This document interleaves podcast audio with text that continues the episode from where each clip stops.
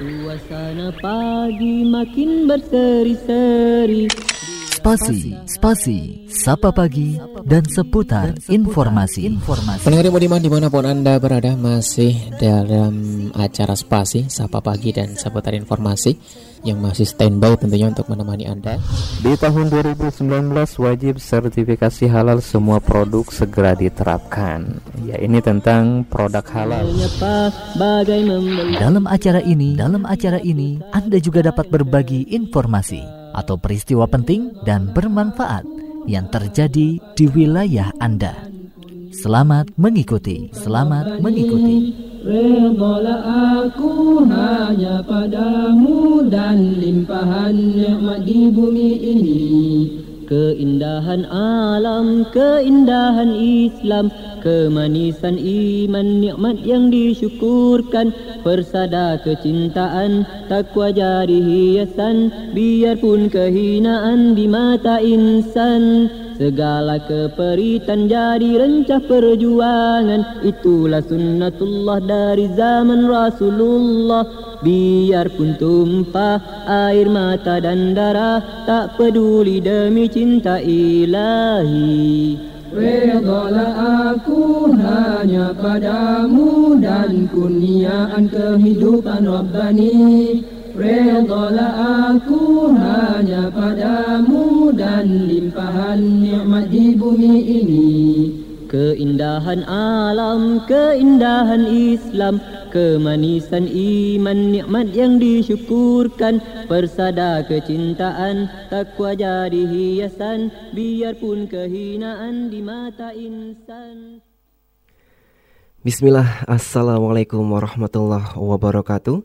Alhamdulillah wassalatu wassalamu ala rasulillah. La hawla wa la quwata illa billah. Amma ba'd Allahumma inni as'aluka ilman nafi'a Wa rizqan tayyiba Wa amalan mutakabbala 99.3 Fajri FM Suara Kebangkitan Islam Belajar Islam jadi lebih mudah. Hijau menitislah embun Dari hujung dedaun Lembut bayu menyapa Bagai membelai jiwa Menggilap dosa-dosa yang tersisa. Pendengar yang berbahagia di mana pun saat ini Anda berada Semangat pagi. Bagaimana kabar Anda di kesempatan pagi hari kali ini? Mudah-mudahan Anda beserta keluarga dan juga orang-orang yang Anda sayangi Orang-orang yang Anda cintai Senantiasa selalu berada dalam keadaan sehat walafiat.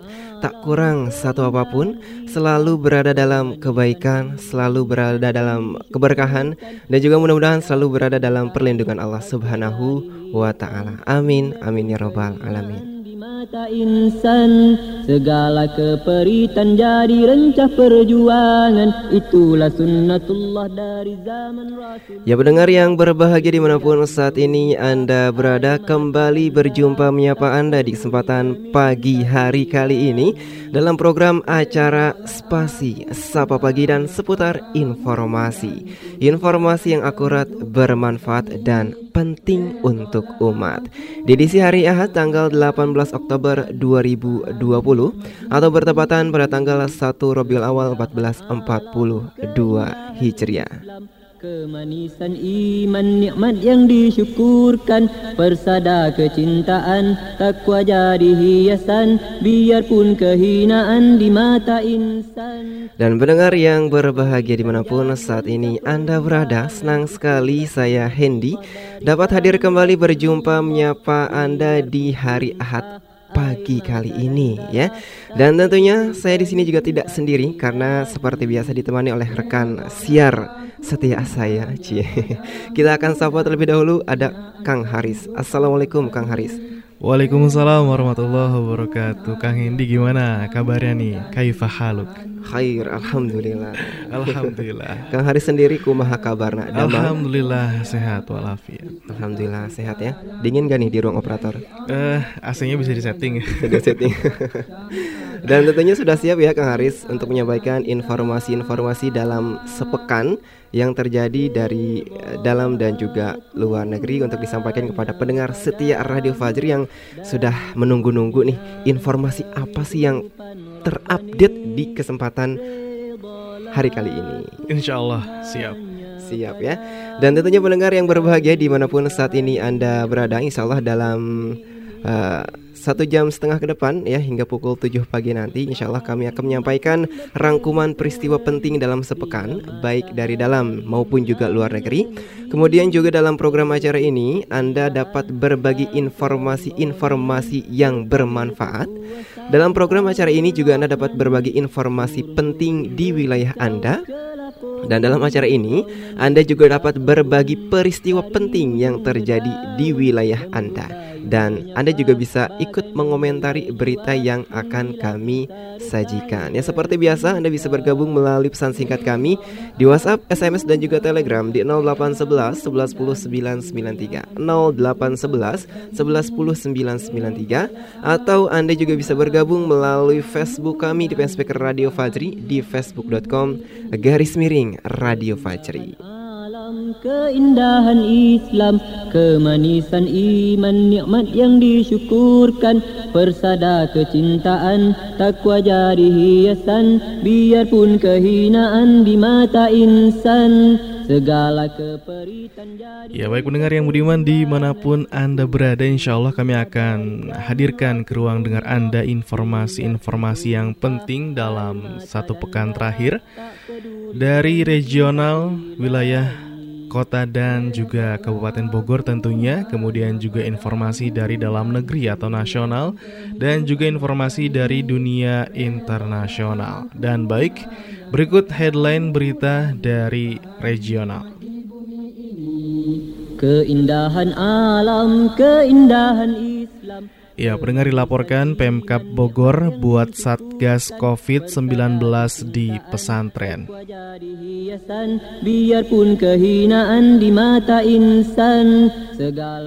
Dan juga masih dari regional, wilayah Kota Bogor dilaporkan 1,2 juta warga Kabupaten Bogor akan disuntik vaksin corona. Tak peduli demi cinta ilahi. Ya, pendengar demikian dua informasi dari regional atau wilayah Bogor.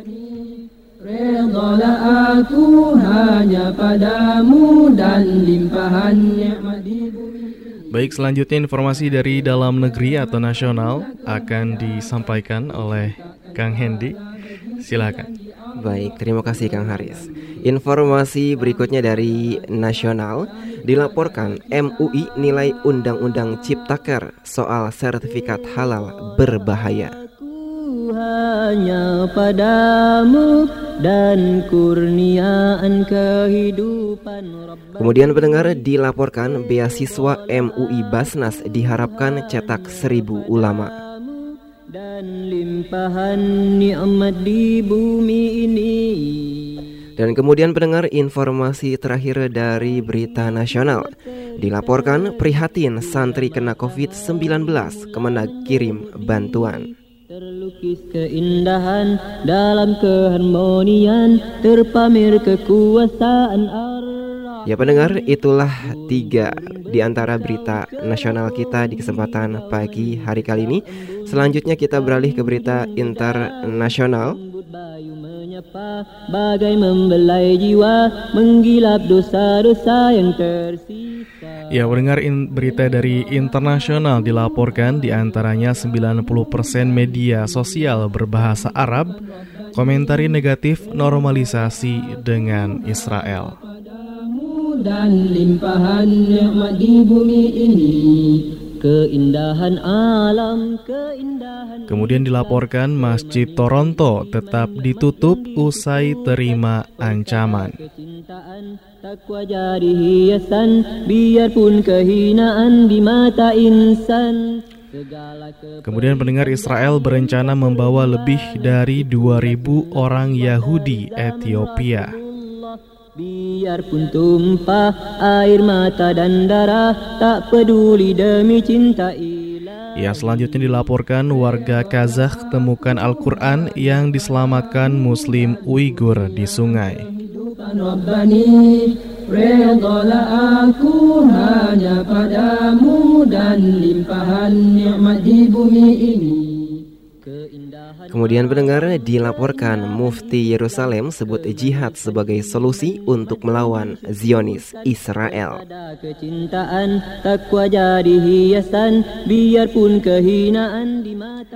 Dilaporkan masjid-masjid di Uyghur diubah jadi kafe dan tempat wisata. Allah dari zaman Rasulullah. Biarpun tumpah air mata dan darah. Kemudian pendengar dilaporkan Prancis telah menutup puluhan masjid dan sekolah Islam tahun ini. Padamu dan kurniaan kehidupan Rabbani Dan kemudian pendengar informasi terakhir kita dari internasional. Dilaporkan HRW sebut penahanan warga Rohingya di kamp pengungsian seperti penjara terbuka Begitu janji Allah Kemenangan milik kita. Syahid adalah cita Syahid adalah cita. Dan pendengar yang berbahagia di mana pun saat ini Anda berada Itulah beberapa headline news kita di kesempatan pagi hari kali ini ya. Silakan bagi Anda yang ingin bergabung bersama kami Kami tunggu partisipasi Anda untuk mengirimkan informasi-informasi penting. Informasi penting yang terjadi di wilayah Anda Dan juga peristiwa penting yang terjadi di wilayah Anda Kirimkan Informasi Anda melalui WhatsApp, SMS, dan Telegram di 0811 11 10 993 atau di Facebook kami di fanspage Radio Fajri di facebook.com garis miring Radio Fajri. Tahukah kau apa yang harus kita lakukan? Tahukah kau gunung pun tak sanggup mengembannya Agama ini. Amanah yang mulia Tinggi dan tiada yang agung selainnya. Berat terasa ketika Dahi Rasul deras berkeringat. Tahukah kau bekal yang kekal serta abadi? Tahukah kau balasan jika engkau ikhlaskan? Jangan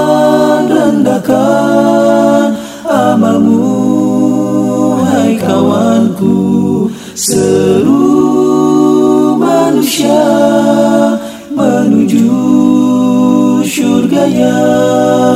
Pena tak selalu rendah dari peluru. Lidah tak kalah mulia dari darah Tahukah kau jika sampaikan amanah ini? Tahukah kau betapa agungnya seorang dai? Dosa terhapus Surga Allah menunggu Istiqomalah Sabar di jalannya. Pantang menyerah Tanpa berkeluh kesah. Janganlah mundur Mencapai tujuan. Hanya mereka yang mau berjuang bergerak dalam wadah perjuangan Radio Fajri, suara kebangkitan Islam. Suasana pagi makin berseri-seri Bila matahari mula menjenguk diri Ya, baik pendengar yang beriman di mana pun Anda berada, masih di acara Spasi, Sapa Pagi dan seputar informasi. Informasi yang akurat, bermanfaat, dan penting untuk umat. Ya, pendengar mengawali informasi pertama kita di kesempatan pagi kali ini, informasi dari Regional Bogor dilaporkan Pemkap Bogor buat Satgas COVID-19 di pesantren. Kehidupan Rabbani aku hanya padamu dan Ya, pendengar dilaporkan tiga pondok pesantren di Kabupaten Bogor yang menjadi klaster penyebaran COVID-19 mendapatkan perhatian khusus dari pemerintah Kabupaten Bogor. Pemkap Bogor akan menindaklanjuti adanya kasus tersebut dengan membuat Satgas COVID-19 di pesantren. Bupati Bogor Ade Munaroh Yasin mengatakan Satgas tersebut bertugas untuk menjaga protokol kesehatan di dalam pondok pesantren masing-masing serta memberi peringatan bila muncul kasus positif COVID-19 baru. Yadi Yasin menjelaskan nantinya Satgas pesantren tersebut akan berkoordinasi dengan Satgas COVID-19 di kecamatan setempat.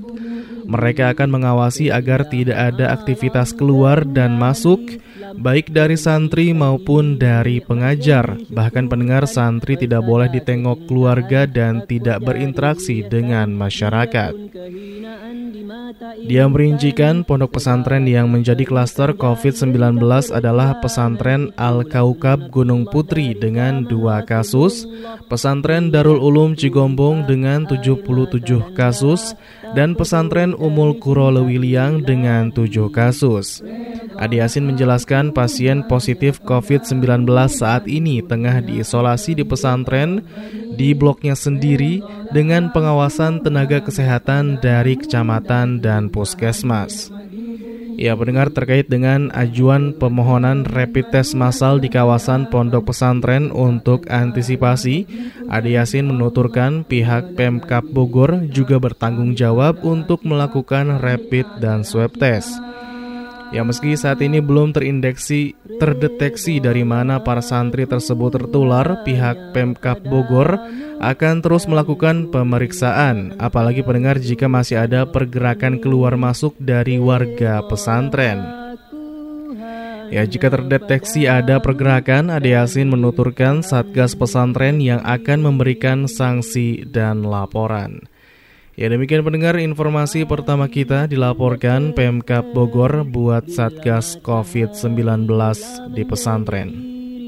Terlukis keindahan dalam keharmonian Terpamer kekuasaan Ar-Rahman Burung-burung Kemudian pendengar informasi berikutnya masih berasal dari Kabupaten Bogor di mana dilaporkan 1,2 juta warga Kabupaten Bogor akan disuntik vaksin corona.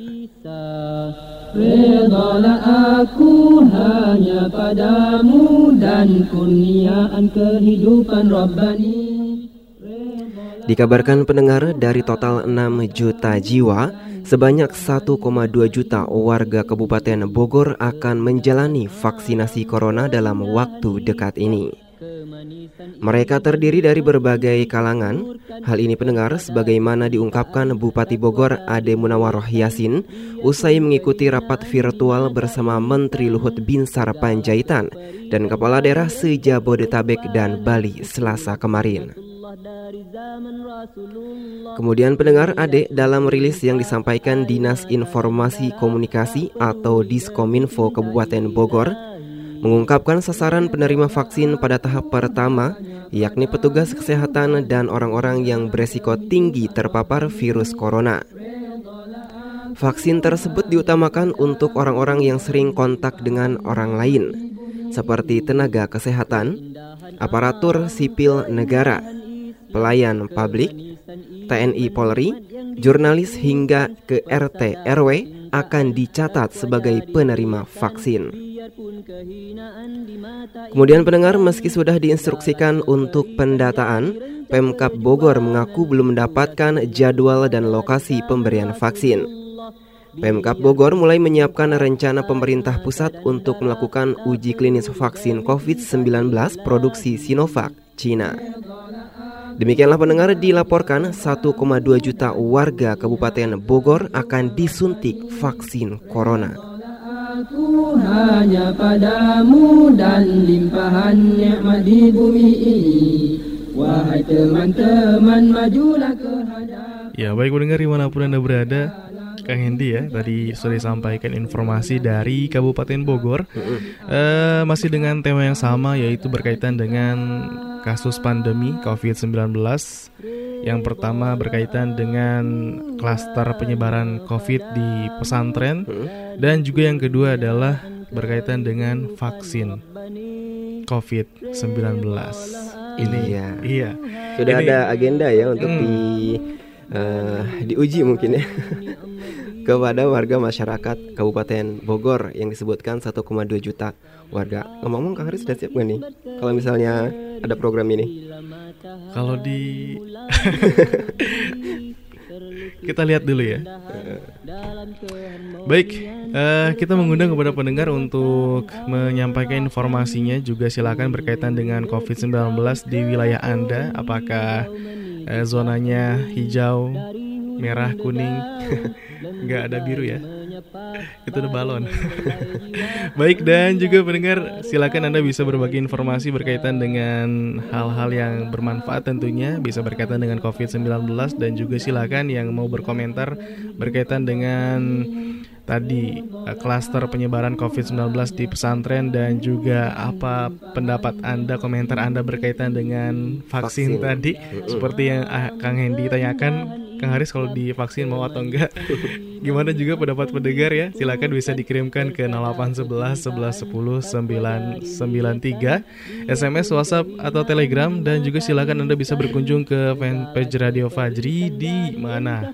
Di facebook.com garis miring Radio Fajri. Dan juga Hendy kita mengajak kepada pendengar di mana pun berada yang tentunya ingin mendapatkan broadcast nasihat dari Radio Fajri eh, berupa nasihat kemudian juga ada gambar ya video dan juga audio. Silakan bisa daftarkan diri anda di 0811 11 10 993 ketik nama kemudian juga domisili kecamatan di mana anda mendengarkan Radio Fajri dan juga tahun anda mendengarkan Radio Fajri. Kemudian kirimkan ke 0811 11 10 993 Segala keperitan jadi rencah perjuangan. Itulah sunnatullah dari zaman Rasulullah. Biarpun tumpah air mata dan darah Tak peduli demi cinta Ya pendengar yang budiman di mana pun Anda berada Baik kita akan beralih ke informasi dari dalam negeri atau nasional. Setelah tadi kita sampaikan informasi dari wilayah regional Kota Bogor atau Kabupaten Bogor Selanjutnya pendengar dilaporkan Majelis Ulama Indonesia nilai Undang-Undang Ciptaker soal sertifikat halal berbahaya. Janji Allah kemenangan milik kita. Syahid adalah cita Syahid adalah Ya dikabarkan Undang-Undang Cipta Kerja atau Omnibus Law mengubah sistem penerbitan sertifikat halal. Jika sebelumnya sertifikat halal hanya dikeluarkan oleh Majelis Ulama Indonesia, kini Undang-Undang Ciptaker memberikan alternatif sertifikat halal dapat diberikan ke Badan Penyelenggara Jaminan Produk Halal atau BPJPH. Terkait hal tersebut, anggota Komisi Fatwa Majelis Ulama Indonesia Aminuddin Yakub menilai kebijakan tersebut sangat berbahaya karena mengeluarkan sertifikat halal tidak bisa disamaratakan dengan satu produk dengan produk lainnya. Aminuddin juga menjelaskan bahwa waktu sertifikasi tidak bisa dipukul rata karena dalam auditnya bahan-bahan dari produk itu berbeda. Diketahui ada sejumlah perbedaan mengenai ketentuan sertifikat halal yang tertuang di Undang-Undang Cipta Kerja dengan tentang jaminan produk halal. Ya, kemudian pendengar selain itu pada pasal tentang jaminan produk halal disebutkan sertifikat halal diterbitkan paling lama tujuh hari kerja terhitung sejak keputusan kehalalan produk diterima dari MUI. Namun pada Undang-Undang Cipta Kerja pasal 35 diubah menjadi sertifikat halal diterbitkan oleh BPJPH paling lama satu hari kerja terhitung sejak fatwa kehalalan produk. Ya demikian pendengar informasi dari dalam negeri dilaporkan Majelis Ulama Indonesia nilai Undang-Undang Ciptaker soal sertifikat halal berbahaya. Tak peduli demi cinta ilahi Redalah aku hanya padamu dan kurniaan kehidupan Rabbani Redalah Dan kemudian pendengar dilaporkan beasiswa MUI Basnas diharapkan cetak seribu ulama.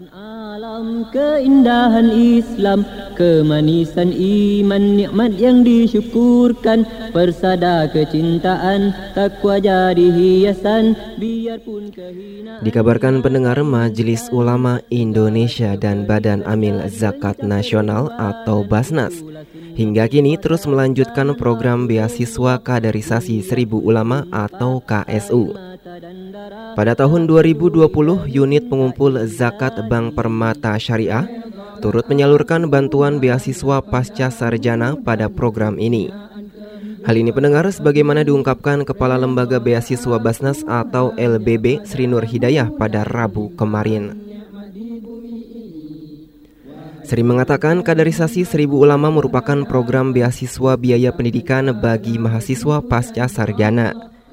Program yang dikembangkan Basnas semenjak 2007 ini bertujuan untuk melahirkan ulama yang profesional dan ahli dalam bidangnya.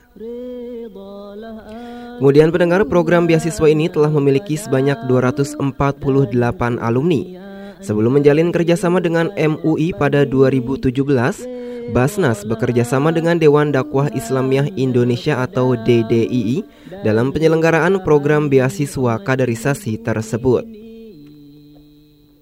Kemudian pendengar dikabarkan pada 2020 terpilih 15 peserta pengurus MUI daerah yang menjadi peserta beasiswa KSU MUI Basnas. Seleksi dilakukan melalui tahap seleksi berkas dan wawancara. Demikianlah pendengar dilaporkan beasiswa MUI Basnas diharapkan cetak seribu ulama. Hijau menitislah embun dari hujung dedaun Lembut bayu menyapa bagai membelai jiwa Menggilap dosa-dosa yang tersisa. Redalah aku Ya, pendengar demikian dua informasi dari dalam negeri di antaranya tentang Undang-Undang Ciptaker atau Omnibus Law ini tanggapan dari Majelis Ulama Indonesia ya. Kemudian juga ada beasiswa Majelis Ulama Indonesia dan juga Basnas yang diharapkan cetak seribu ulama. Silakan mendengar Anda masih bisa ataupun masih ada kesempatan untuk berbagi informasi yang bermanfaat dan juga berbagi informasi penting dan peristiwa penting di wilayah Anda dan juga mengomentari berita yang telah kami sajikan dan akan kami sajikan di 0811 11 10 993 atau di facebook.com garis miring Radio Fajri. Dan pendengar, jangan dipindah frekuensi. Insya Allah kami akan segera kembali setelah yang berikut ini. Redalah aku hanya padamu dan limpahan nikmat di bumi ini Keindahan alam, keindahan Islam kemanisan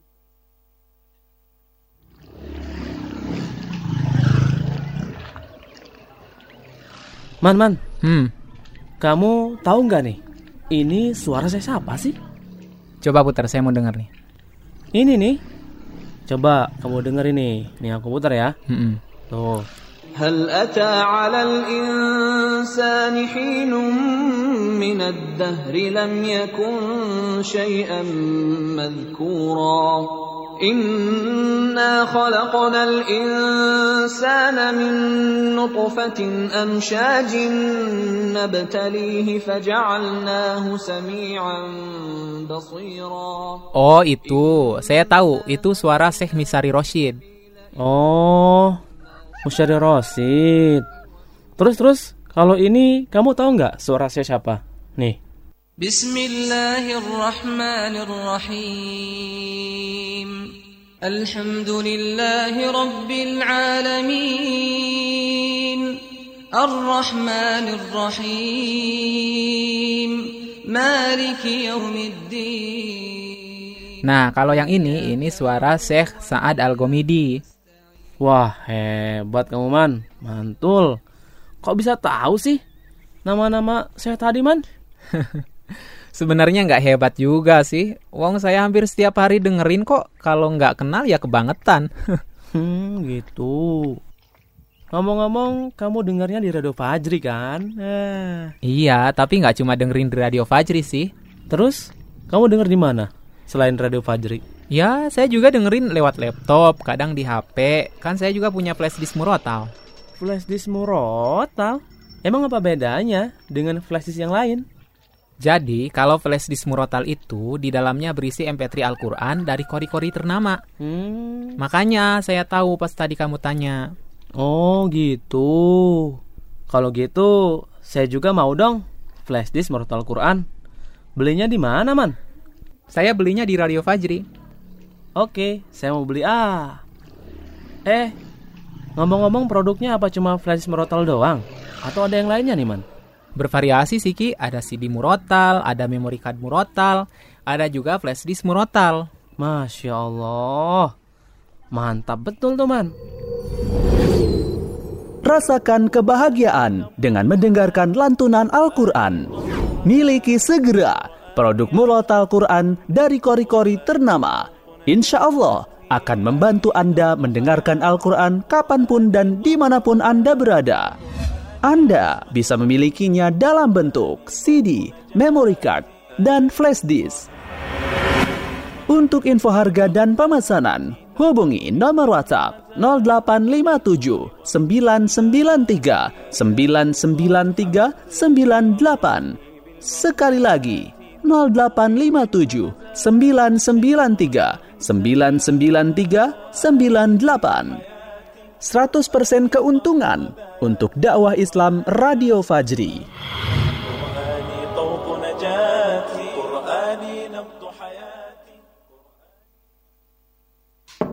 Assalamualaikum.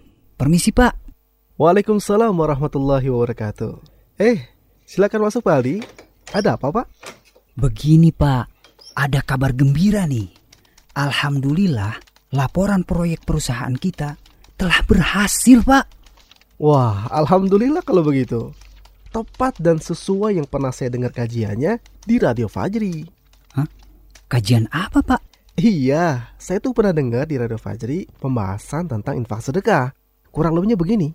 Kalau kita berinfak, katakan min syai'in fahuwa yuhlifu. Maka Allah Subhanahu wa taala akan menggantinya. Bisa jadi ketika kita menginfakkan memang berkurang dari misalnya satu juta diinfakkan seratus sembilan ratus ribu. Tapi Allah subhanahu wa ta'ala akan menggantinya. Menggantinya dengan apa? Menggantinya dengan keberkahan yang umum. Bisa jadi dengan sembilan ratus ribu itu misalnya seorang pengusaha. Dia gunakan modalnya maka modal itu akan mendatangkan keuntungan. Masya Allah. Maha benar Allah dengan segala firmannya. Ya udah deh Pak Aldi, uh, tolong diurus ya 20% keuntungan perusahaan kamu alokasikan untuk dakwah Radio Fajri. Oh, baik Pak. Akan saya segera urus.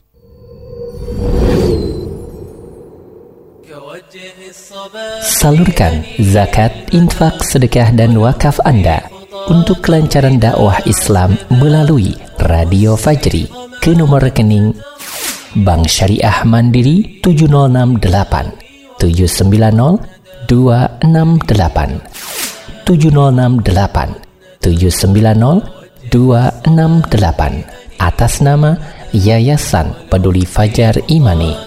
Untuk pusat informasi hubungi 0852 1820 8707 0852 1820 8707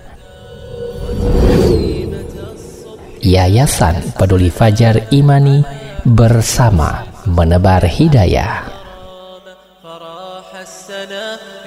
مضيت مرامة هناء الوجود فتاة الهدى Anda sedang mendengarkan Radio Fajri. Fajri, suara kebangkitan Islam. Suasana pagi makin berseri-seri Bila matahari mula menjenguk diri Terlukis keindahan dalam keharmonian Terpamer kekuasaan Ar-Rahman. Burung-burung berkicau di celah Ya 99.3 Fajri FM Suara Kebangkitan Islam Belajar Islam jadi lebih mudah. Ya pendengar yang budiman masih di acara spasi Sapa Pagi dan seputar informasi Informasi yang akurat, bermanfaat dan penting untuk umat hanya padamu dan kurniaan kehidupan Rabbani Redolah aku hanya padamu dan Ya baik pendengar informasi selanjutnya masih dari dalam negeri atau nasional dilaporkan prihatin santri kena COVID-19 Kemenag kirim bantuan. Persada kecintaan takwa jadi hiasan biarpun kehinaan di mata insan Dikabarkan Menteri Agama Fahlur Razi prihatin adanya santri di beberapa pesantren yang terkonfirmasi positif COVID-19. Sebagaimana upaya penanganan, Kementerian Agama menerjunkan tim Satgas untuk memberikan bantuan. Hal ini sebagaimana diungkapkan Menteri Fahlur Razi di Jakarta Jumat kemarin. Ya pendengar menurut Menag beberapa bantuan sudah disalurkan di antaranya berupa 38.000 masker medis, 35.000 masker kain, lebih dari 1000 hand, hand sanitizer, 2500 botol suplemen dan 2000 sabun cuci tangan.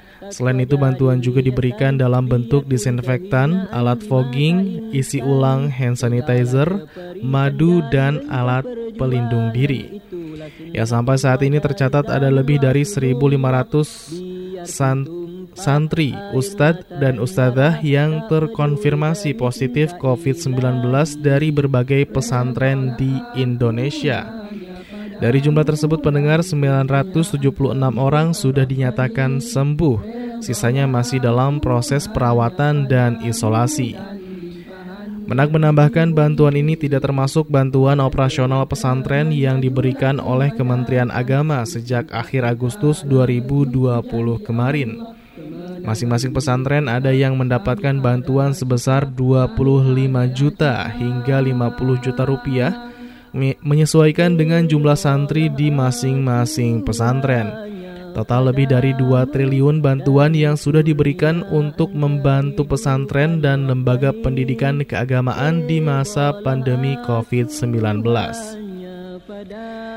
Ya, pendengar menak berharap pesantren tetap menerapkan protokol kesehatan dalam proses pembelajaran sebagai upaya bersama dalam mencegah penyebaran COVID-19.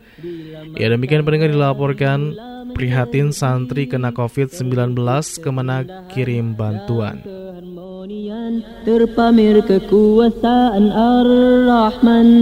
Burung-burung berkicau di celah pohon hijau Menitislah embun. Dari hujung dedaun Lembut bayu menyapa bagai membelai jiwa. Ya baik pendengar demikian informasi dari dalam negeri Kemudian informasi selanjutnya berasal dari dunia internasional atau mancanegara. Dilaporkan 90% media sosial berbahasa Arab komentari negatif normalisasi dengan Israel.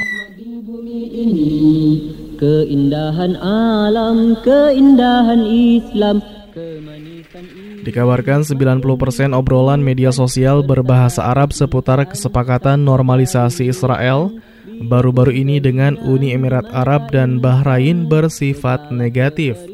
Hal ini sebagaimana dilansir sebuah laporan The New Arab. Studi tersebut mengamati komentar dan liputan di platform media sosial Facebook, Twitter, Instagram, dan YouTube antara 12 Agustus dan 8 September.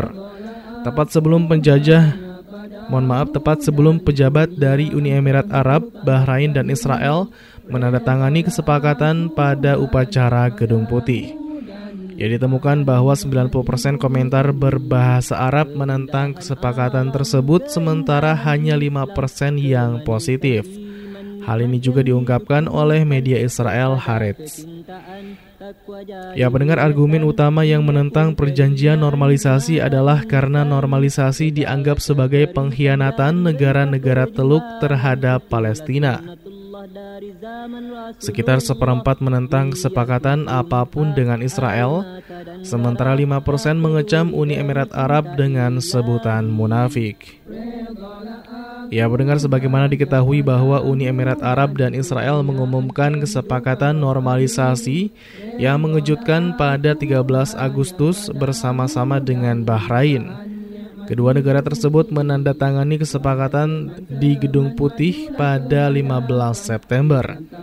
Kesepakatan tersebut pendengar melanggar konsensus di antara negara-negara Arab bahwa setiap perjanjian damai dengan Israel harus bergantung pada pembentukan negara Palestina.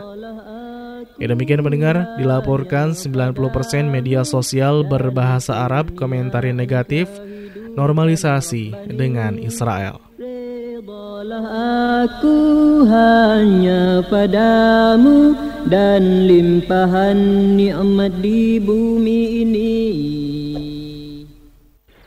Kemudian pendengar, kemudian pendengar informasi berikutnya dilaporkan Masjid Toronto tetap ditutup usai terima ancaman.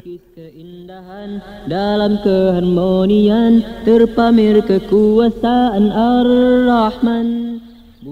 Dikabarkan pendengar sebuah masjid di Toronto ditutup pada Selasa kemarin setelah menerima ancaman kekerasan. Sementara polisi menyelidiki insiden tersebut, hal ini pendengar sebagaimana diungkapkan oleh Dewan Nasional Muslim Kanada sebagaimana dilansir laman Anadolu Agency pada Rabu kemarin. Menurut Faruk, Ketua Dewan Nasional Muslim Kanada, Setidaknya satu dari pesan yang dikirim pada Sabtu lalu itu berisi ancaman dengan kata-kata doa Christchurch. Kemudian pendengar kalimat tersebut merujuk pada penembakan massal yang terjadi di dua masjid di kota Christchurch, Selandia Baru pada 2019. Kemudian pendengar dilaporkan serangan tersebut menewaskan 51 orang. Menurut Faruk, email ancaman yang diterima akhir pekan ini menandai peningkatan yang mengerikan dalam kekerasan terhadap komunitas muslim. Dia mengatakan komunitas muslim mengalami ketakutan dan terkejut setelah kejadian tersebut. Selanjutnya pendengar masjid tersebut ditutup karena seriusnya ancaman tersebut. Sementara itu pendengar polisi Toronto mengatakan sedang menyelidiki email yang berisi ancaman tersebut. Ia juga mengatakan menanggapinya dengan sangat serius. Dilaporkan pendengar ancaman tersebut datang satu bulan setelah seorang relawan berusia 58 tahun ditikam hingga tewas di luar masjid. Penikaman itu disebut sebagai tindakan kekerasan yang kurang ajar oleh masyarakat. Anggota masjid tersebut lantas meminta polisi untuk menyelidikinya sebagai kejahatan berlatar kebencian. Kemudian pendengar Kepala Eksekutif Muslim Kanada Mustafa Faruk mengatakan masjid tersebut tidak akan dicantumkan namanya karena khawatir akan menimbulkan lebih banyak ancaman. Dikabarkan wali kota Toronto John Tory menyebutkan ancaman itu sama sekali tidak dapat diterima. Sementara itu pendengar Perdana Menteri Kanada Justin Trudeau mengatakan dia sangat terganggu oleh insiden tersebut. Dilaporkan ancaman tersebut datang setelah kematian seorang relawan penjaga masjid yang ditikam di daerah Toronto pada September lalu. Kejahatan itu mendorong 25 kelompok hak asasi manusia untuk mengirim surat pada 5 Oktober ke Trudeau. Mereka meminta mereka meminta rencana aksi untuk menghentikan kelompok supremasi kulit putih. Faruk mengatakan bahwa atas adanya ancaman di masjid, masih belum diketahui kapan masjid akan dibuka kembali. Demikian pendengar dilaporkan Masjid Toronto tetap ditutup usai terima ancaman. Terpamer kekuasaan Ar-Rahman Burung-burung berkicau di celah pohon hijau Menitislah embun.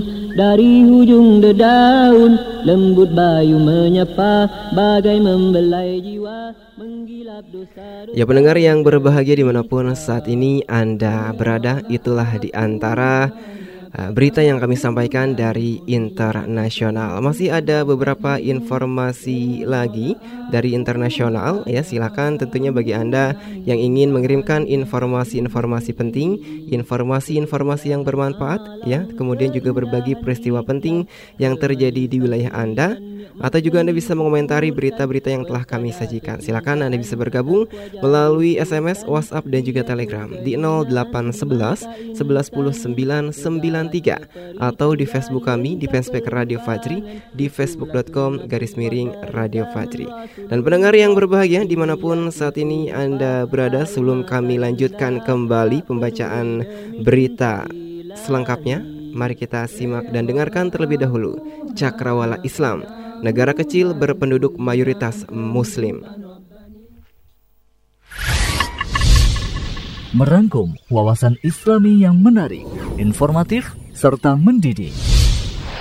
Kali ini Cakrawala Islam menyajikan lima kabar dari Rasulullah SAW yang menjadi kenyataan pada masa kini untuk Anda. Cakrawala Islam edisi kali ini akan membahas lima tokoh perawi hadis terbanyak. Yang pertama adalah Abu Hurairah radhiyallahu anhu. Dengan Cakrawala Islam. Cakrawala Islam. Assalamualaikum warahmatullahi wabarakatuh Pendengar yang dirahmati oleh Allah subhanahu wa ta'ala Berjumpa kembali dengan saya Muad Masih dalam rubrik Cakrawala Islam Dan kali ini pendengar insya Allah kita akan membahas Tentang lima negara kecil Berpenduduk mayoritas muslim Siapakah mereka? Baiklah pendengar Perlu diketahui bahwa umat Islam adalah umat terbesar kedua Setelah umat Kristen di seluruh dunia Menurut sebuah penelitian pada tahun 2015 silam, Islam memiliki 1,8 miliar penganut yang membentuk sekitar 24 persen dari total populasi dunia. Islam adalah agama yang dominan di Asia Tengah, Indonesia, Timur Tengah, Afrika Utara, dan berbagai bagian lain di Asia. Sekitar 30 persennya dari semua muslim berasal dari Asia Selatan, seperti Pakistan, Bangladesh, Afghanistan, dan juga India pendengar. Sehingga jika digabungkan antara umat Islam di Pakistan, Bangladesh, dan India, maka populasi muslim hampir sama dengan populasi penganut agama Hindu, sebagaimana dahulu Bangladesh dan Pakistan adalah kesatuan dari negara India. Nah, pendengar yang dirahmati oleh Allah Subhanahu wa taala, negara dengan populasi muslim terbesar di dunia adalah Indonesia di Asia Tenggara yang menyumbang sebesar 13% dari jumlah muslim di dunia. Menakjubkan bukan? Ya, orang-orang muslim di negara-negara kepulauan Melayu yang mencakup Brunei, Singapura, Malaysia, Indonesia, Filipina, dan Timur Larose merupakan populasi muslim terbesar kedua setelah Asia Selatan. Kemudian disusul oleh Timur Tengah. Dan di sini pendengar, Muslim adalah mayoritas di setiap negara selain Filipina dan juga Timur Timur.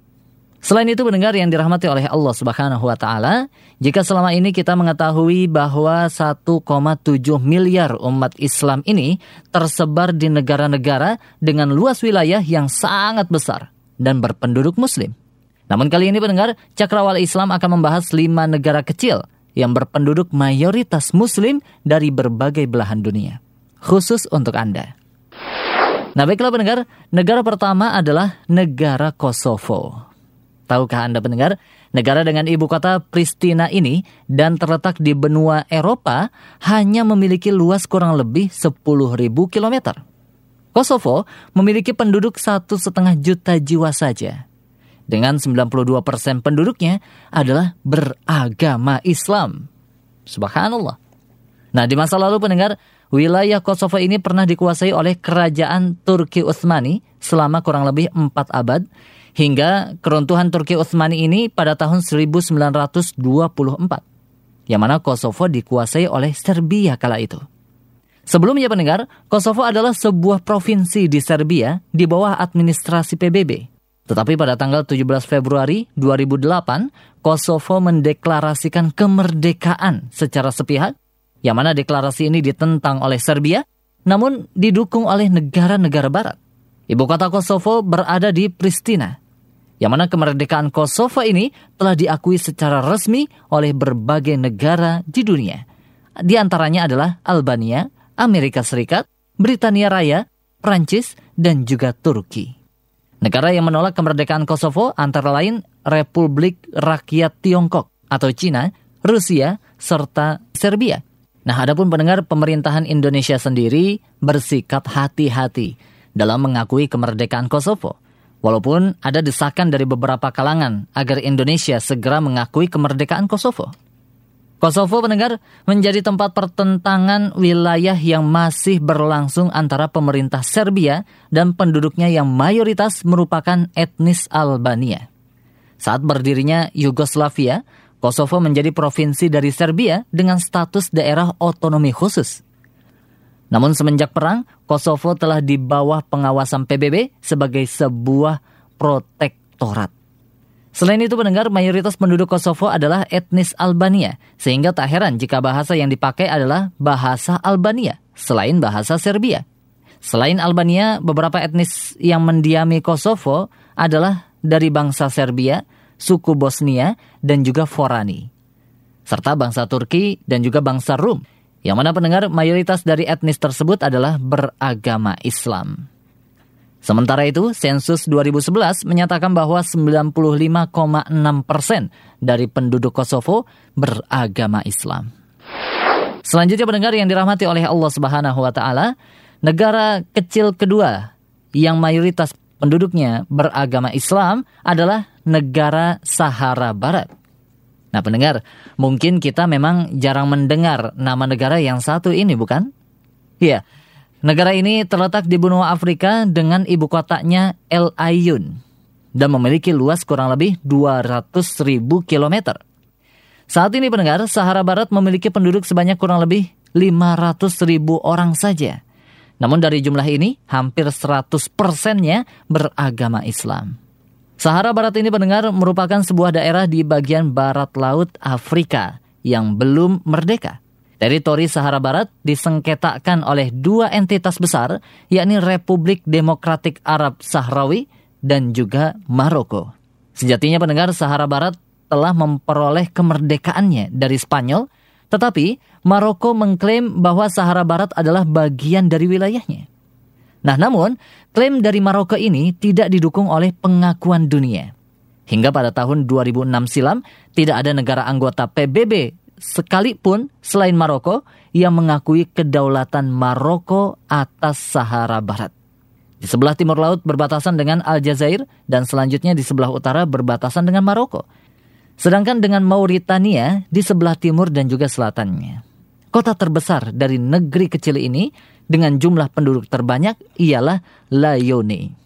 Selanjutnya pendengar, Sahara Barat merupakan salah satu teritori yang paling jarang dihuni di dunia. Bahkan, beberapa data mencatat tingkat kepadatannya sebagai yang paling rendah di dunia.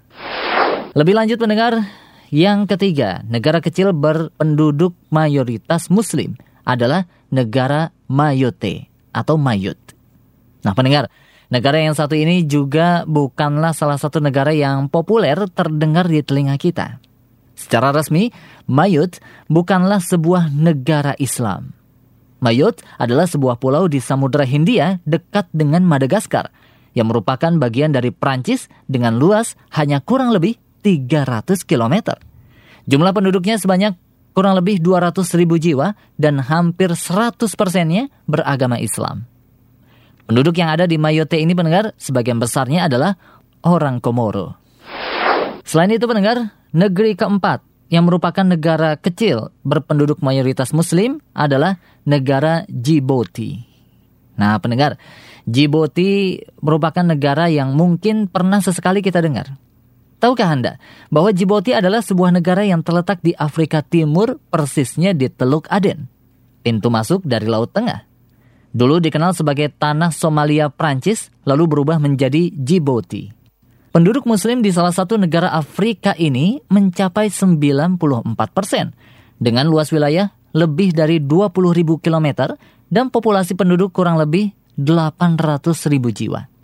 Sisanya pendengar, sebanyak 6% penduduk Djibouti beragama Kristen dan agama suku lokal. Penyebaran agama Islam di wilayah ini terjadi dari para pedagang dan juga para pendakwah yang memang berasal dari Jazirah Arab. Selain itu pendengar yang terakhir ataupun yang kelima, negara kecil yang akan kita bahas namun berpenduduk mayoritas muslim adalah negara Sierra Leone. Nah pendengar, negara ini terletak di benua Afrika dan memiliki luas kurang lebih 70 ribu kilometer. Menurut data statistik yang ada, umat muslim di negeri ini mencapai lebih dari 70 persen. Sisanya adalah orang yang memeluk agama lokal dan juga agama Kristen. Namun sayangnya pendengar muslim Sierra Leone kerap mengalami kesulitan untuk menjalankan ibadah haji. Kenapa? Karena jauhnya jarak yang ditempuh serta biaya yang mahal membuat banyak umat muslim di negara ini sulit menjalankan ibadah haji. Demikianlah pendengar yang dirahmati oleh Allah Subhanahu wa taala, lima negara kecil berpenduduk mayoritas muslim. Semoga saja cakrawala Islam kali ini bisa menambah wawasan keislaman kita semua mengenai negara-negara kecil yang masih berpenduduk mayoritas muslim. Mudah-mudahan Allah Subhanahu wa taala selalu memberkahi setiap perjalanan hidayah kita dan juga saudara-saudara kita yang bertempat tinggal di negeri-negeri kecil tersebut ataupun yang masih menjadi minoritas di negeri-negeri besar negara lain. Mudah-mudahan ada manfaat yang bisa kita petik. Wallahu ta'ala alam. Akhirnya saya Muad mohon pamit undur diri dari ruang dengar Anda. Wassalamualaikum warahmatullahi wabarakatuh. Cakrawala Islam. Cakrawala Islam.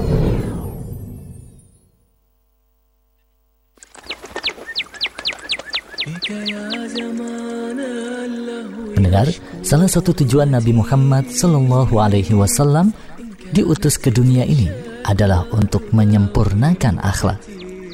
Nabi Sallallahu Alaihi Wasallam bersabda, Innama bu'ithtu liutammima salihal akhlak. Sesungguhnya aku hanyalah diutus untuk menyempurnakan akhlak yang luhur. Hadis riwayat Ahmad dan Bukhari. Imam Malik rahimahullah menasihati seorang pemuda, "Wahai anak muda, pelajarilah adab terlebih dahulu baru engkau mempelajari ilmu." Melihat besarnya keutamaan adab dan juga akhlak, tentu kita ingin memiliki adab dan akhlak yang terbaik. Pendengar, ada kabar baik untuk kita semua. Kini telah hadir paket adab dan akhlak spesial Radio Fajri yang akan membantu kita terus belajar dan memperbaiki adab dan akhlak kita. Paket adab dan akhlak spesial Radio Fajri berisi satu buah flash disk berisi ratusan audio ceramah Islam pemateri Radio Fajri tentang adab dan juga akhlak.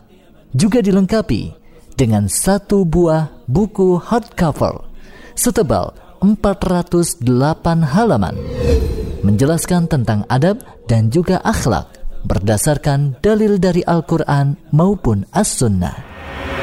Maka lengkaplah sudah dengan buku Anda membaca, dengan audio ceramah Anda mendengarkan untuk terus belajar memperbaiki adab dan akhlak. Pendengar, segera miliki paket adab dan akhlak spesial Radio Fajri. Baca dan bagikan kepada orang yang Anda cintai. Info pemesanan hubungi 0857 993 993 98 0857 993 993 98 أملا تنير مسير دعوتنا وتوقيد مشعل الإيمان كي تنجو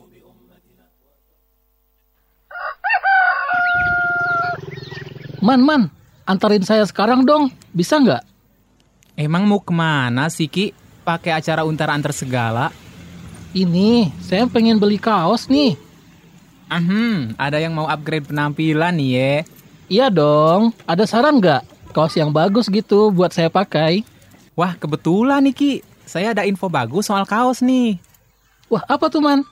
Kalau mau beli kaos, nggak usah repot-repot. Tinggal pesen aja kaos dakwah Radio Fajri. Wah, mantep nih. Kaosnya kayak gimana sih, Man? Jadi, di kaosnya itu ada tulisan Islam adalah solusi. Terus ada tulisan Fajrinya juga. Wah, oke nih. Pakai kaos sekaligus ngenalin Radio Dakwah Fajri. Betul banget, Ki. Yaudah, yaudah. Mana nomor teleponnya? Saya mau pesan sekarang. Ini nih nomornya. Kamu hubungi lewat WhatsApp ya. Biar nanti dikasih foto-foto kaosnya. Pasti keren. Sip, udah nggak sabar nih mau lihat kaosnya. Pasti keren dan berfaedah tentunya.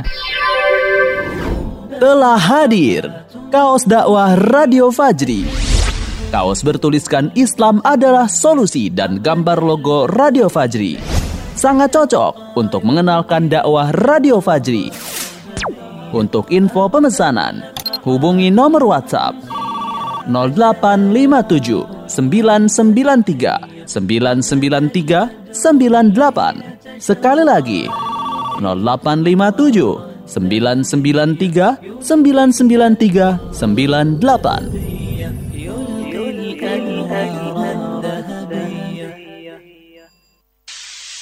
Radio Fajri, suara kebangkitan Islam.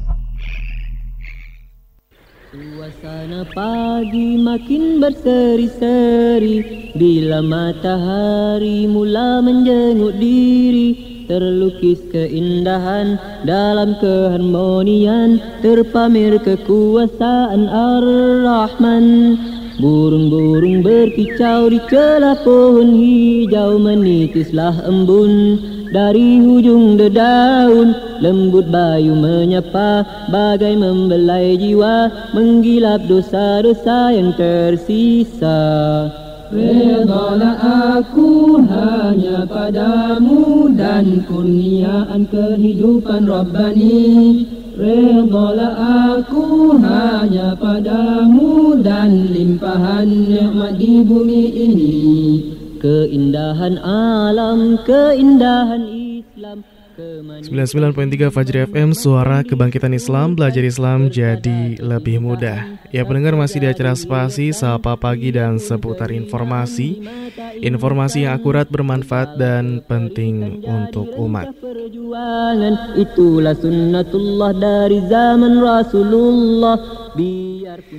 Ya baik pendengar, kembali kita akan sampaikan ke ruang dengar Anda informasi dari mancanegara. Dilaporkan warga Kazakh temukan Al-Quran yang diselamatkan Muslim Uighur di sungai. Aku hanya padamu dan limpahan nikmat di bumi ini Keindahan alam, keindahan Islam Dikabarkan penduduk desa Kazakh di bagian hilir sungai Ili baru-baru ini menemukan benda-benda mengambang di permukaan sungai. Setelah mengambilnya mereka menemukan Al-Quran dalam kemasan tertutup. Menurut mereka Muslim Uighur Xinjiang di hulu sungai Ili tidak ingin Al-Quran dihancurkan oleh pemerintah Cina sehingga mereka melemparkannya ke sungai dan membiarkannya mengambang hingga keluar Cina.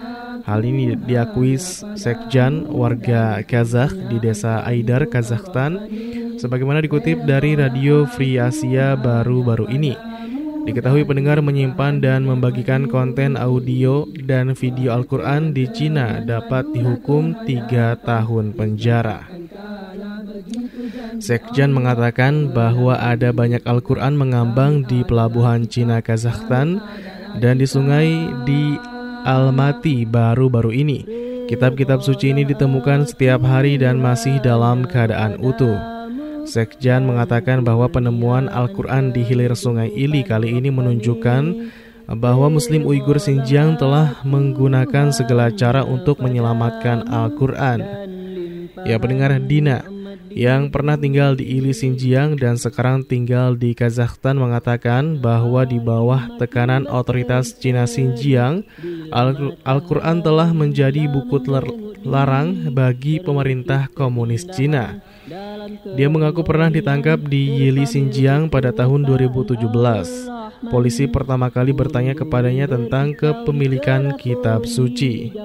Kemudian pendengar Reiskan, seorang sarjana agama Tionghoa di Kazakhstan mengatakan bahwa Muslim Uighur di Xinjiang menyelamatkan Al-Quran ke Sungai Ili, mencerminkan upaya pemerintah Cina untuk memusnahkan Islam. Ya demikian pendengar dilaporkan warga Kazakh temukan Al-Quran yang diselamatkan Muslim Uighur di sungai.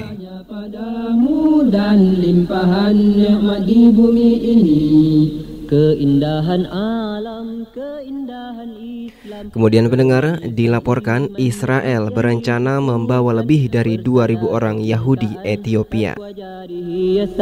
Biarpun kehinaan di mata insan segala keperitan jadi rencah perjuangan. Dikabarkan pendengar Perdana Menteri Israel Benjamin Netanyahu telah mengatakan kepada mitranya dari Ethiopia bahwa negaranya berencana membawa lebih dari 2000 orang Yahudi Ethiopia.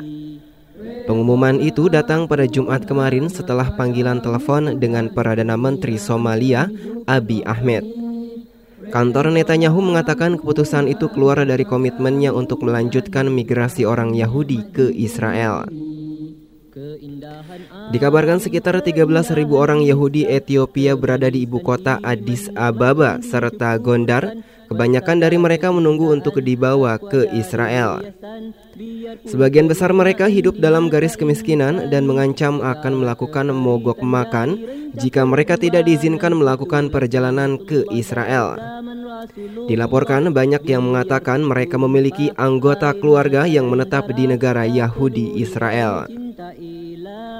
Kemudian pendengar aktivis mengatakan pemerintah Zionis pada 2015 berjanji untuk membawa sisa orang Yahudi Ethiopia ke wilayah mereka.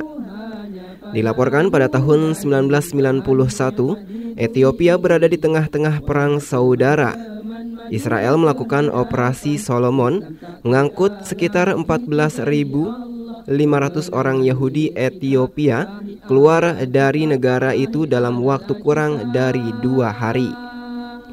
Sebelumnya pendengar Kepala Badan Yahudi untuk Israel Isaac Herzog mengatakan negara Zionis itu berencana menarik 250 ribu imigran Yahudi untuk menetap di wilayah jajahan Palestina selama tiga hari hingga lima tahun.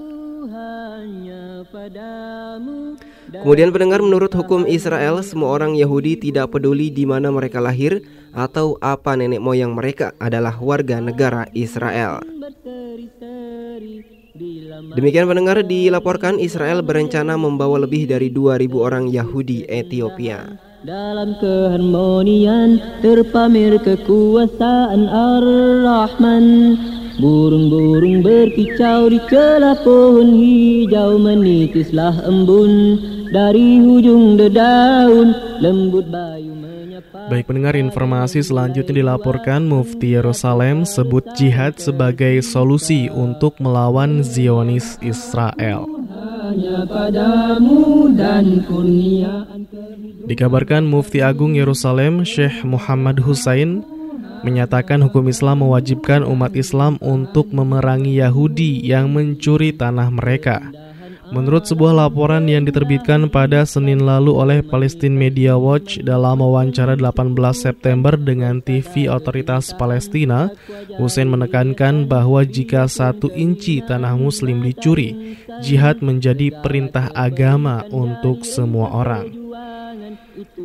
Otoritas Palestina mendefinisikan negara Israel sebagai tanah Islam yang dicuri. Oleh karena itu, kata Hussein, hukum syariah melarang warga Palestina untuk mengakui Israel di dalam batas nama pun dan memerintahkan bahwa setiap muslim memiliki kewajiban pribadi untuk berperang melawan negara Yahudi sampai tanah muslim dibebaskan. Lebih lanjut, dia menyatakan bahwa Uni Emirat Arab dan Bahrain yang bulan lalu menandatangani perjanjian damai dengan Israel sedang memutarbalikan aturan agama. Dia mengklaim bahwa melakukan hal tersebut dilarang. Ya, demikian pendengar dilaporkan Mufti Yerusalem sebut jihad sebagai solusi untuk melawan Zionis Israel. Biarpun tumpah air mata dan darah Tak peduli demi cinta ilahi. Kemudian pendengar informasi berikutnya dilaporkan. Masjid-masjid di Uighur diubah jadi kafe dan tempat wisata. Hanya padamu dan limpahan nikmat di bumi ini Dikabarkan pendengar hingga awal Oktober lalu di salah satu lokasi di Kasgar, bangunan berkubah masih mentereng berdiri. Namun pendengar kubah yang identik dengan masjid itu ditutup Beijing dan diubah menjadi kafe untuk berkumpul para turis. Tak ada lagi aktivitas keagamaan di sana, hanya sekelompok orang yang berkumpul bersama. Menurut warga sekitar, pemandangan itu juga menjadi semakin lumrah. Warga mengatakan takut sholat di luar rumah, sehingga semua berkumpul di rumah untuk sholat. Hal ini pendengar diungkapkan warga anonim merujuk pada kafe yang dioperasikan warga Cinahan dari Provinsi Guangdong sejak 2019 lalu. Mengutip The Assassin Simbun Jumat kemarin, nyatanya bukan hanya masjid di Kasgar saja yang diubah. Tetapi pendengar juga beberapa lainnya termasuk di Urumqi dan wilayah sekitar. Serupa dengan sebelumnya, masjid itu ditutup oleh otoritas Cina untuk kepentingan tujuan wisata. Dari sumber laporan daerah kota tua Kasgar dan sekitarnya memang masuk menjadi rencana tujuan wisata utama Beijing. Alhasil, bagian kota dan rumah atau bangunan lain dengan gaya Uighur tradisional dirobohkan dan kembali dibangun dengan unsur Cina.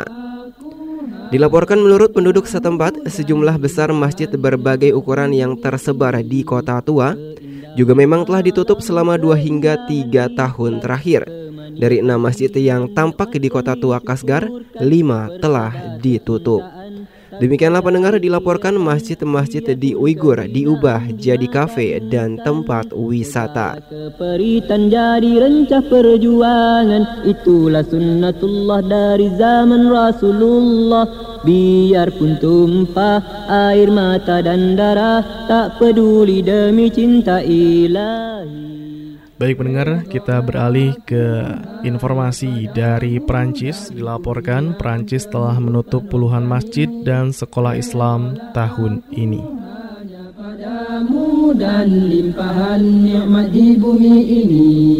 Keindahan Dikabarkan mendengar Prancis telah menutup lebih dari 70 masjid dan sekolah Islam swasta sejak Januari.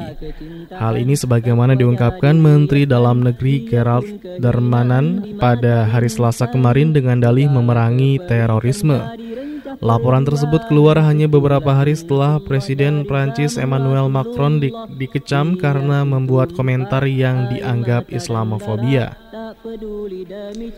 Dalam jumpa pers, Menteri membenarkan bahwa sebuah masjid dan sekolah swasta di daerah Herald ditutup bulan lalu.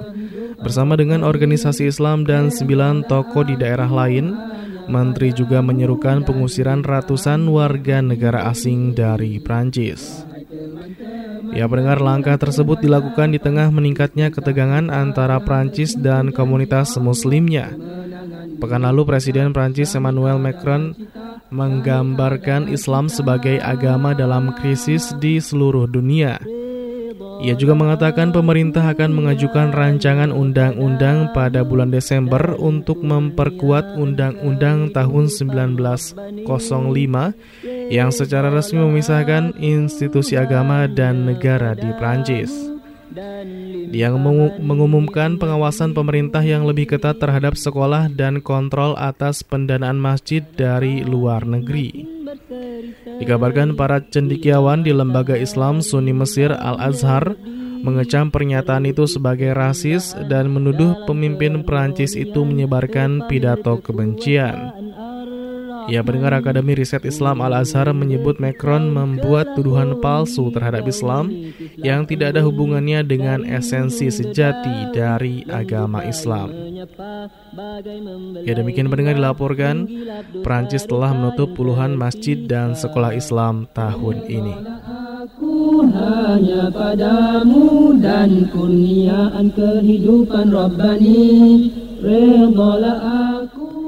Kemudian pendengar informasi terakhir kita di kesempatan pagi hari kali ini Dilaporkan HRW sebut penahanan warga Rohingya di kamp pengungsian seperti penjara terbuka.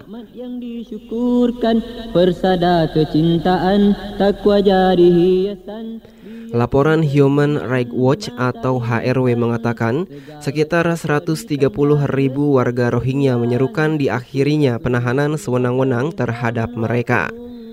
HRW mengatakan penahanan massal muslim Rohingya di kem-kem pengungsi seperti penjara terbuka. Dilaporkan pendengar, pemerintah Myanmar telah menahan 130 ribu muslim Rohingya dalam kondisi tidak manusiawi selama 8 tahun. Mereka terputus dari rumah, tanah, dan mata pencaharian serta hanya memiliki sedikit harapan. Hal ini pendengar sebagaimana diungkap Saina Buchner, penulis laporan sebagaimana dikutip dari Al Jazeera. Kemudian pendengar laporan HRW setebal 169 halaman yang diterbitkan pekan kemarin mengatakan bahwa dari puluhan ribu orang Rohingya yang tinggal di kamp pengungsian hidup sangat menderita. Disebutkan bahwa kamp Rohingya di Myanmar tidak layak untuk dihuni. Laporan tersebut mengacu pada lebih dari 60 wawancara dengan muslim Rohingya Muslim Kaman, dan pekerja kemanusiaan yang berlangsung dari akhir 2018. Di antara pelanggaran hak yang tercatat adalah penolakan kebebasan bergerak seperti pendirian pos pemeriksaan dan pagar kawat berduri di sekitar kem dan desa Rohingya. Kemudian pendengar dilaporkan mereka yang ditemukan di luar kem dilaporkan mengalami penyiksaan dan pelecehan oleh pasukan keamanan. HRW menuduh pemerintah Myanmar menggunakan kekerasan awal tahun 2012 sebagai dalih untuk memisahkan dan mengurung penduduk dari populasi lainnya. Dikabarkan pendengar pada 2017, tindakan keras militer yang brutal memaksa sekitar 750 ribu muslim Rohingya melarikan diri melintasi perbatasan ke Bangladesh dalam kekerasan yang sekarang menjadi dakwaan genosida terhadap Myanmar. Dilaporkan ada 250 ribu muslim Rohingya yang tersisa di Myanmar. Setidaknya 100 ribu orang telah tinggal di kem-kem pengungsian selama gelombang kekerasan sebelumnya pada tahun 2012. Kemudian pendengar puluhan ribu orang muslim Rohingya lainnya tinggal di desa-desa yang tersebar di Rahine. Tetapi mereka takut pada militer karena mereka terus diawasi. Demikian pendengar dilaporkan HRW sebut penahanan warga Rohingya di kamp pengungsian seperti penjara terbuka. Redalah aku hanya padamu dan kurniaan kehidupan Rabbani. Redalah aku hanya padamu dan limpahan nikmat di bumi ini. Keindahan alam, keindahan Islam Kemanisan iman nikmat yang disyukurkan. Persada kecintaan takwa jadi hiasan. Biarpun kehinaan di mata insan. Segala keperitan jadi rencah perjuangan. Itulah sunnatullah dari zaman Rasulullah. Biarpun tumpah air mata dan darah Tak peduli demi cinta ilahi Dan pendengar yang berbahagia di mana pun saat ini Anda berada Akhirnya tuntas sudah ya ke-13 uh, judul berita atau informasi yang telah kami sampaikan baik itu berita dari regional khususnya Kabupaten Bogor, kemudian juga berita nasional dan juga terakhir dari berita internasional. Dan pendengar yang berbahagia di mana pun saat ini Anda berada, sekarang akhirnya kita memasuki sesi terakhir yaitu pembacaan informasi-informasi yang sudah Anda kirimkan melalui pesan singkat kami ya di WhatsApp, SMS ataupun juga Telegram dan juga di Facebook kami di Facebook facebook.com garis miring Radio Fajri. Masih ada waktu sekitar kurang lebih 7 menit lagi. Insya Allah kami akan sampaikan informasi-informasi terupdate dari Anda yang telah Anda kirimkan ke meja redaksi kami. Baik, Kang Haris kita awali dari mana terlebih dahulu nih? Dari WhatsApp. Dari WhatsApp bro? Yeah, WhatsApp. Baik, kita akan sapa terlebih dahulu. Ada siapa nih?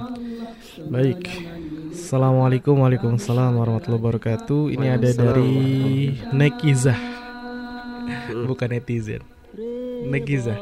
Dari Citerup Ahlan wasahlan Ini katanya pendengar setia dari tahun 2005 Masya Allah. Sampai dengan saat ini. Alhamdulillah Masya Allah 15 tahun? Mm-mm. Bersama. Fajri. Masya Allah. Kang Hendi dan Kang Haris semoga sehat selalu katanya. Amin, Amin, ya Eh, Sambil masak selalu pantau terus radio Fajri FM Aduh, masak nih. Jadi kita jadi sarapan nih Kang. Baik, terima kasih ya Nek Ijah, Nekizah mungkin Nekizah. ya. Kalau dipisah jadi beda mungkin persepsinya. Jadi Nek Ijah gitu. Iya. Hatur nuhun, syukran jazakillah khair sudah bergabung. Insya Allah ini pendengar setia dari 2005 Masya Allah. Saya aja bergabung 2014 nih. Kalah nih saya senior ya Masya Allah luar biasa. Semoga istiqomah tentunya ya Dengarkan ya siaran-siaran Radio Fajri.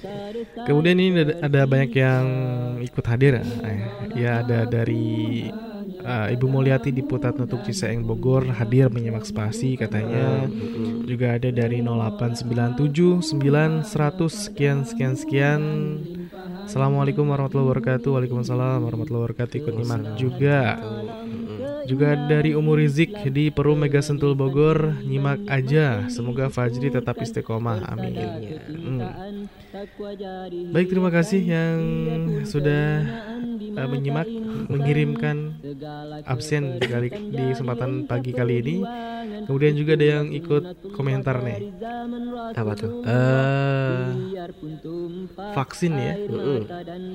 Dari 0878 3004 35 sekian sekian Bismillah vaksin tersebut kalau tidak ada jaminan kehalalannya tentunya kita wajib tolak Mm-mm. Ini harus pikir-pikir pikir yang panjang ya, jangan langsung manut-manut gitu. Vaksin yang mengenai kesehatan gitu ya. Nah, Ada dampaknya bagi tubuh kita gitu. Terima kasih tanggapannya dari hamba Allah ya di 0878 304 sekian sekian sekian. Mungkin bisa aparat pemerintah dulu nih ya. Karena kan kalau apar- aparat pemerintah sakit nanti nggak bisa ngurus rakyat gitu ya. Jadi harus biar sehat mungkin bisa didahulukan gitu ya pemerintah terlebih dahulu divaksin gitu Masya Allah. Baik selanjutnya ada siapa lagi nih? ada Indah Permatasari dari Facebook nih Eh, hadir kakakku kakakku hadir Kakakku siapa nih yang jadi kakaknya? kita Baik, terima kasih Indah Permatasari. Kemudian ada juga Nisa Salsabila dari Depok hadir juga nyimak buat Kang Hendi dan Kang Haris. Selamat bertugas. Iya, baik. Selanjutnya ada Mukhlis Raya Delima. Assalamualaikum Waalaikumsalam warahmatullahi wabarakatuh. Kang Haris, Kang Hendi. Ya dari Parung Tanjung, Cidadas, Gunung Putri. Kami sekeluarga menyimak saja Dan salam buat Mas Warsono dan Ibu Nur Aini Yang selalu mendengarkan Radio Fajri. Semoga Allah melindungi kita semua. Amin Amin. Ya Rabbal Alamin. Iya. Baik. Insya Allah. Nah, selanjutnya dari SMS ada Edi Ebek di Kampung Sawah Gang Belimbing ikut nyimak aja dan juga ada Bapak Rozak Mubarok dari Tegal Jawa Tengah. Jawa Tengah ya baru terdengar lagi nih. Ah, Apa karena saya jarang siaran jadi Bisa jadi. Bisa jadi ya. Sekarang lagi di Jakarta katanya. Mm, Alhamdulillah ikut nyimak. Alhamdulillah. Baik, selanjutnya ada dari siapa ini Gusri, Bang Gusri. Ya di Ciputat Tangerang Selatan nyimak aja. Semoga Radio Fajri selalu jaya di udara. Iya. Iya, amin. Kemudian ada lagi yang bergabung Pak Maso mungkin biasanya gabung Pak Maso. Baik, selanjutnya kita ingin sampaikan informasi ya. Hmm, ada spesial. Apa tuh yang Tentunya spesial di hari Ahad? Spesial setelah acara ini ada acara Bunayati unjuk gigi ya, spesial. Bersama siapa? Kang Haris. Bersama saya. Oh, Insya Allah ya. Jadi langsung ya Iya. gas. Baik, nanti bersama jadi ganti jadi tadi tanya Kang jadi jadi Kak bersama Kak Haris. Kak Haris, iya betul. Kemudian setelah itu nanti ada acara ngopi ya, ngobrol parenting Islami. Ini sudah masuk ke episode 15. 15. Ah, tentang perwalian dan mahar dalam pernikahan insya Allah bersama Ustadz Dr. Sujian Suretno STHI MM. Beliau adalah dosen STI Al Hidayah Bogor. Acaranya gratis, ya gratis ya, bersertifikat dan juga ada door prize berhadiah. Insya Allah nanti ada hadiahnya buat pendengar uh, yang menyimak, tentunya melalui streaming juga. Nanti ada door prize ada bacan. Apa tuh bacan? Bantal cantik Radio Fajri. Ini acaranya udah mah gratis, dapat door prize pula gitu ya. Iya. Luar Insya Allah. biasa nih, berbaik hati sekali nih Radio Fajri. Dan juga buat pendengar yang ingin mendapatkan sertifikat elektronik di acara ngopi ini silahkan nanti bisa chat saja di kolom komentar live. Insya Allah nanti ada ada live di Facebook ya. Bisa tonton live Facebooknya kemudian juga komentari saja hadir kemudian juga nama lengkap kota dan juga tanggapan kalau ada kemudian setelah itu screenshotkan saat live streaming kirimkan ke 0811 11 10 993 jadi yang door prize bukan bukan ngopi aja ada juga yang lain. Ada juga yang lain. Apa tuh? Diari.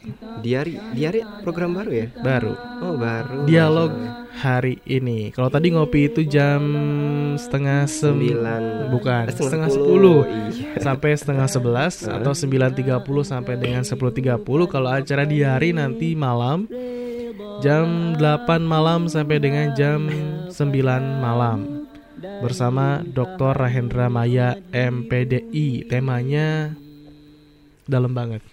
Berat gitu ya. Allah. Memahami kajian Islamic worldview. Ini harus disediain buku, catatan, cemilan, kopi Iya, gitu betul. ya. Apa tuh? Biar masuk gitu. Memahami kajian Islamic worldview. Silakan bisa disimak aja nanti jam 8 sampai jam 9 malam. Tentunya yang ingin dapat door prize gabung di acaranya juga tonton live-nya di Facebook. Kemudian juga yang ingin dapat sertifikatnya tentunya komen kasih komentar di kolom komentarnya kemudian juga screenshotkan saat sedang menyimak acara live ke 0811 11 10 993. Dan selain yang ada door prize door prize-nya Aduh. Hadiah prize, gitu. Hadiah gitu ya. gitu ya. Nanti ada di siang ada acara Pilda juga, ada materi-materi yang bermanfaat tentunya untuk kita simak. Kemudian juga di sore hari ada acara Senada seputar nasihat Anda. Ya, simak aja ya, insya Allah dapat ilmu tambahan ilmu, dapat berkah juga, dan yang beruntung dapat hadiah. Iya, untuk berapa orang yang beruntung nih? Insya Allah nanti ada masing-masing dua ya. Dua orang. Di acara ngopi ayo. dua orang, di acara diari dua orang. Silahkan dapatkan ilmunya, dapatkan juga hadiahnya. Iya, Kang Haris masih ada nggak nih yang bergabung? Cukup nampaknya. Cukup ya. Iya, tak terasa sudah pukul 7 lewat 2 menit. Itu tandanya perjumpaan kita di kesempatan pagi hari kali ini akan segera kami akhiri. Dan alhamdulillah sudah tuntas pula informasi-informasi yang telah kami sampaikan baik itu berita dari regional, kemudian nasional dan informasi dari berita internasional yang telah terjadi dalam satu pekan terakhir. Dan kami juga mengucapkan syukran jazakumullah khair kepada Anda yang telah ikut bergabung bersama kami baik itu yang hanya mendengarkan saja atau juga khususnya spesial bagi Anda yang sudah ikut uh, menyimak dan mengirimkan informasi-informasi penting yang bermanfaat bagi kita semua. Syukran jazakumullah khair atas partisipasinya. Dan pendengar yang berbahagia di mana pun saat ini Anda berada ya bagi Anda juga yang memiliki media sosial ya silahkan untuk mengikuti channel-channel kami ya baik itu di Facebook kemudian juga di Instagram dan juga telegramnya di @radio_fajri dan bagi Anda juga yang hobi nonton mungkin ya mungkin bisa dialihkan kepada hal-hal yang bermanfaat terutama untuk meng-subscribe gitu ya. Iya. channel YouTube Radio Fajri. Fajri Channel. iya seperti itu. In- Insya Allah banyak informasi-informasi yang sangat bermanfaat dan kita butuhkan dalam kehidupan sehari-hari kita tentunya. Iya, dan juga yang ingin hemat kuota, kalau nonton YouTube kan kotanya lumayan gede ya, ada video dan juga audionya. Dan buat pendengar yang ingin menyimak acara-acara Radio Fajri seperti acara ngopi, kemudian juga ada talk show kesehatan, talk show kesehatan, ada kisah taubat, wanita Islami, keluarga Islami, dialog sekecil, inspirasi kita dan rubrik-rubrik lainnya di Radio Fajri Silakan Anda bisa simak di podcast Radio Fajri 99.3 FM. Ini sudah bisa didengarkan di berbagai macam platform podcast ya. Bisa di Spotify, kemudian juga di Anchor, ada di Google Podcast, Apple Podcast juga bisa dan juga platform podcast yang lainnya. Silakan dicari saja di uh, namanya Radio Fajri 99.3 FM. Iya, cukup informasinya ya. Iya. Dan juga satu lagi untuk pendengar yang ingin mendapatkan BC uh, nasihat, kemudian juga gambar-gambar Islami, kemudian video dan lain sebagainya silakan bisa didaftarkan saja ya di 0811 11 10 993 nama kemudian juga domisili dan tahun mendengarkan Radio Fajri. Baik, cukup informasi kita di kesempatan pagi kali ini di acara Spasi Sapa Pagi dan seputar informasi, informasi yang bermanfaat, akurat, bermanfaat dan penting untuk umat. Iya. Dan pendengar yang berbahagia di mana pun saat ini Anda berada Akhirnya saya Hendy Saya Haris. Pamit undur diri dari ruang dengar Anda. Selamat menikmati liburan akhir pekannya Dan sampai jumpa di acara berikutnya. Wallahualam Wassalamualaikum warahmatullahi wabarakatuh. Segala keperitan jadi rencah perjuangan Itulah sunnatullah dari zaman Rasulullah Biarpun tumpah air mata dan darah Tak peduli demi cinta ilahi. Redalah aku hanya padamu Dan kurniaan kehidupan Rabbani. Redalah aku hanya padamu Dan limpahan nikmat di bumi ini Wahai teman-teman majulah ke hadapan. Islam takkan kalah begitu janji Allah. Kemenangan milik kita Syahid adalah cita Syahid adalah cita. Redalah aku hanya padamu Dan kurniaan kehidupan Rabbani Redalah aku hanya padamu Dan limpahan nikmat di bumi ini